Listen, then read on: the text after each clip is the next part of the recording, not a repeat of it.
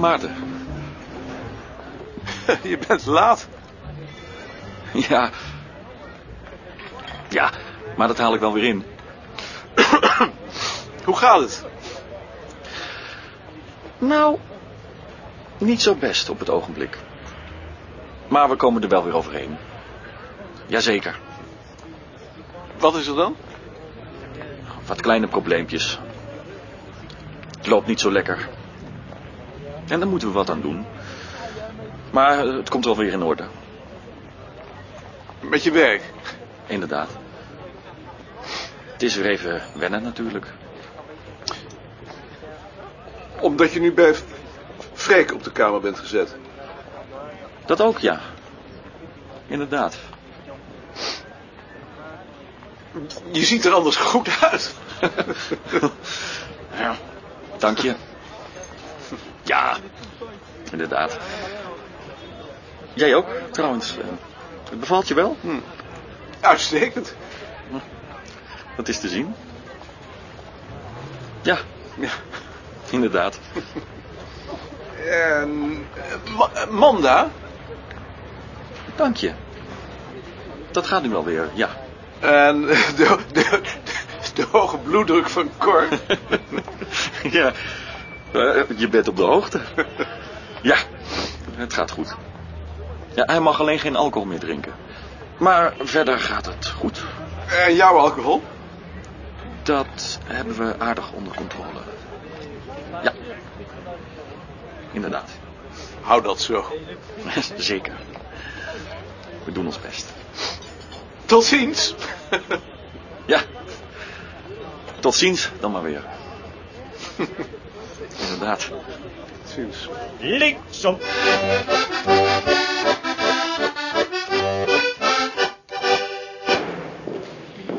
Toen hij op de ingang van het Rijksmuseum toeliep, sloeg de klok tien keer. Nog altijd dezelfde gebarste klank. In de vestiaire hing één jas. De man van de vestiaire stond boven aan de trap met de verkoper van de kaartjes te praten.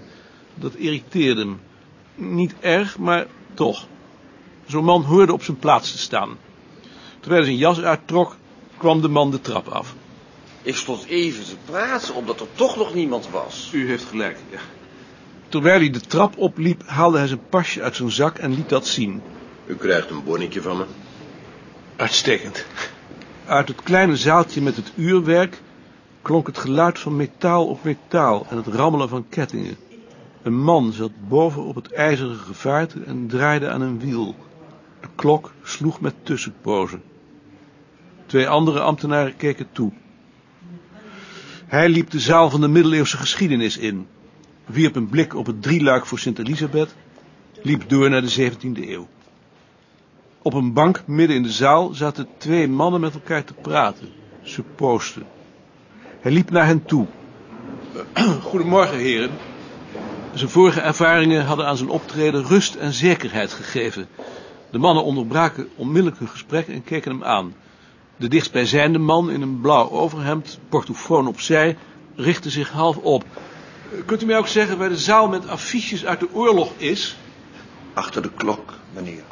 Verwarmd door deze behandeling liep hij langzaam langs de vitrines. Hij las alle opschriften, bekeek alle foto's, boeken, affiches, luisterde naar fragmenten van toespraken en cabaretliedjes en keek naar journaalfragmenten. Eén of twee affiches meende hij zich te herinneren. Hij herkende de stijl en de toon van de stemmen, hoog, scherp articulerend, die voor hem onverbrekelijk verbonden waren met de oorlog en de daaraan voorafgaande jaren, maar hij registreerde geen enkele emotie. Het deed hem niets. Geleidelijk waren er meer bezoekers binnengekomen. Veel jongeren, ook een paar buitenlanders. En hij vroeg zich af wat ze hier in godsnaam van moesten denken. Zoveel jaren later maakte het een bijna vriendelijke indruk, met een ideologie die oppervlakkig gezien uitzicht bood op een goed geordende, zindelijke maatschappij. En niet op een holocaust met concentratiekampen. Het was dat hij beter wist. En wie goed keek naar die stalen proletensmoelen en de propagandateksten aandachtig las, kon beter weten. Maar wie zou dat straks, als alles geschiedenis geworden was, nog doen? In een wereld, bovendien, die geen haar beter was. Het zou hem niet verbazen als er straks een revival van een en ander beleefde. Hij dacht dat vaag en zag zichzelf door de ogen van die jongeren. Een vreemde oude man die dat alles nog had meegemaakt. En die daar misschien heimelijk om benijd werd. Pas op je centuur, meneer. Dank u wel. Zo.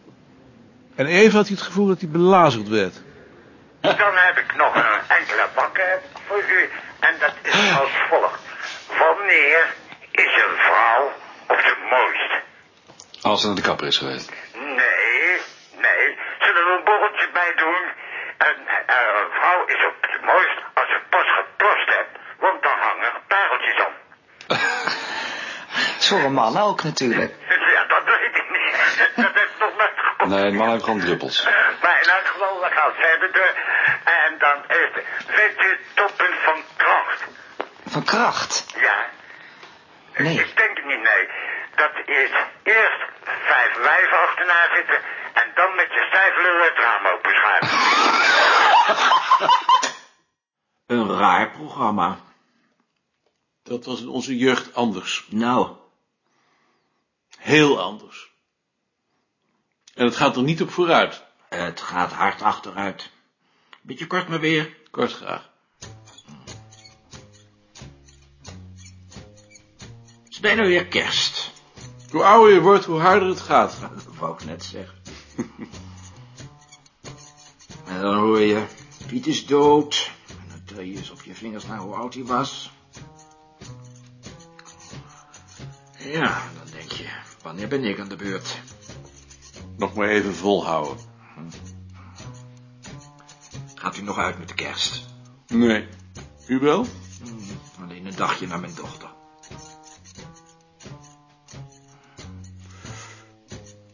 Gaan er alles heel wat dit jaar. Oh, meneer, hele volkstammen. Ik begrijp dat niet. Hm, ik hoop niet, wat is daar nou aan? Kerstmis zou je toch thuis te zijn? Kerstmis hoor je thuis te zijn. Wenkbrauwen? Nee. Hoe gaat het nou met Volendam? Heen en weer, hè? Ik zeg altijd maar, heen en weer, net als het bootje. Dat is er ook niet meer. Nee, dat is er ook niet meer. Maar Volendam is er nog. Ja, ja, Volendam verandert niet, altijd hetzelfde. En dat is maar goed. hè? Want zo hoort het. Zo, u kunt er weer tegen. Eh, is nog altijd een tientje? Ja, een tientje. Dat verandert ook maar niet. Ach, nee. Moet ik nou die oude mannetjes het geld nog uit de zak kloppen? Het is mijn hobby. Dat is het mooiste, als je werk je hobby is. Dat zeg ik ook altijd. Prettige feestdagen maar. En tot volgend jaar. En u hetzelfde? Jij bent er weer klaar voor. Dat dacht ik ook. Hij stelde vast dat de dag goed begonnen was. Heel goed zelfs. Op de Westermarkt passeerde hij Huub Pastoors. Hij zag hem op het laatste ogenblik. Pastoors zag hem niet. Zijn gezicht was dik geworden met onnatuurlijk dikke lippen. Hij praatte hardop in zichzelf met een blik die op oneindig stond. In zijn linkerhand droeg hij twee lege tasjes en onder zijn winterjas een dunne groene zomerbroek. De wetenschappelijk hoofdambtenaar. Hij richtte zich op en stak met veerkrachtige stap het plein over, langs de kerk. Vrijheid.